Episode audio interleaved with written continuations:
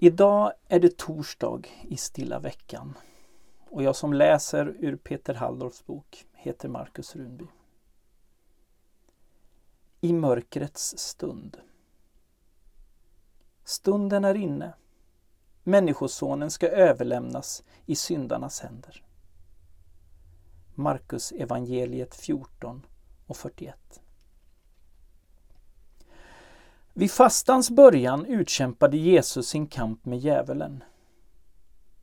Orden i Jakobsbrevet om att Gud inte frestar någon bekräftas med eftertryck i den berättelse vi lyssnade till första söndagen i fastan.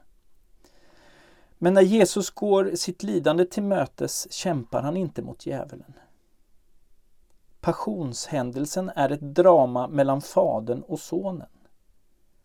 Nu handlar allt om ett enda. Att bära bort världens synd.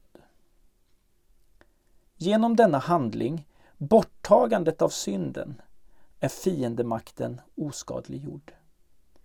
Han avväpnade härskarna och makterna och utsatte dem för allas förakt när han triumferade över dem genom Kristus.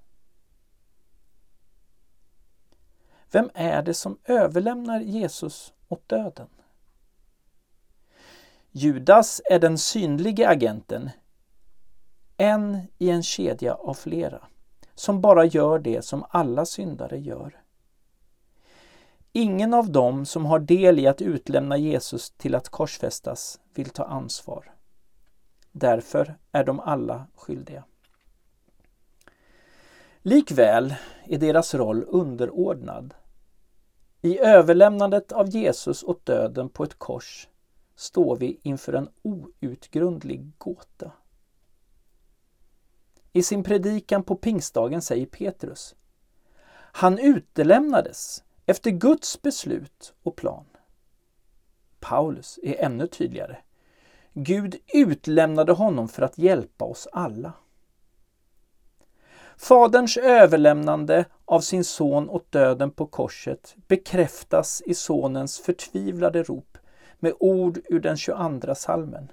Min Gud, min Gud, varför har du övergivit mig? Men när detta skri i nästa ögonblick följs av sonens överlämnande av sig själv åt Fadern. I dina händer lämnar jag min ande. Anar vi ett än mer ogenomträngligt mysterium. Den som låter Jesus överlämnas åt döden är också den i vars händer han överlämnar sig i själva dödsögonblicket. När alla onda makter riktar sig mot Jesus på korsfästelsens dag, då vänder Jesus sitt ansikte mot Fadern och lämnar sitt liv i hans händer. Här får vi vägledning i vår kamp. Kämpa inte mot ondskan. Om det onda angriper dig från ett håll, vänd dig i den andra riktningen, mot Fadern. Överlämna dig i hans händer. I ljuset från hans sons ansikte har mörkret ingen makt. Vi ber. Gode Fader, du ensam känner mitt hjärta och min själ. I de händer som skapat och format mig lägger jag mina händer och överlämnar mitt liv. Amen.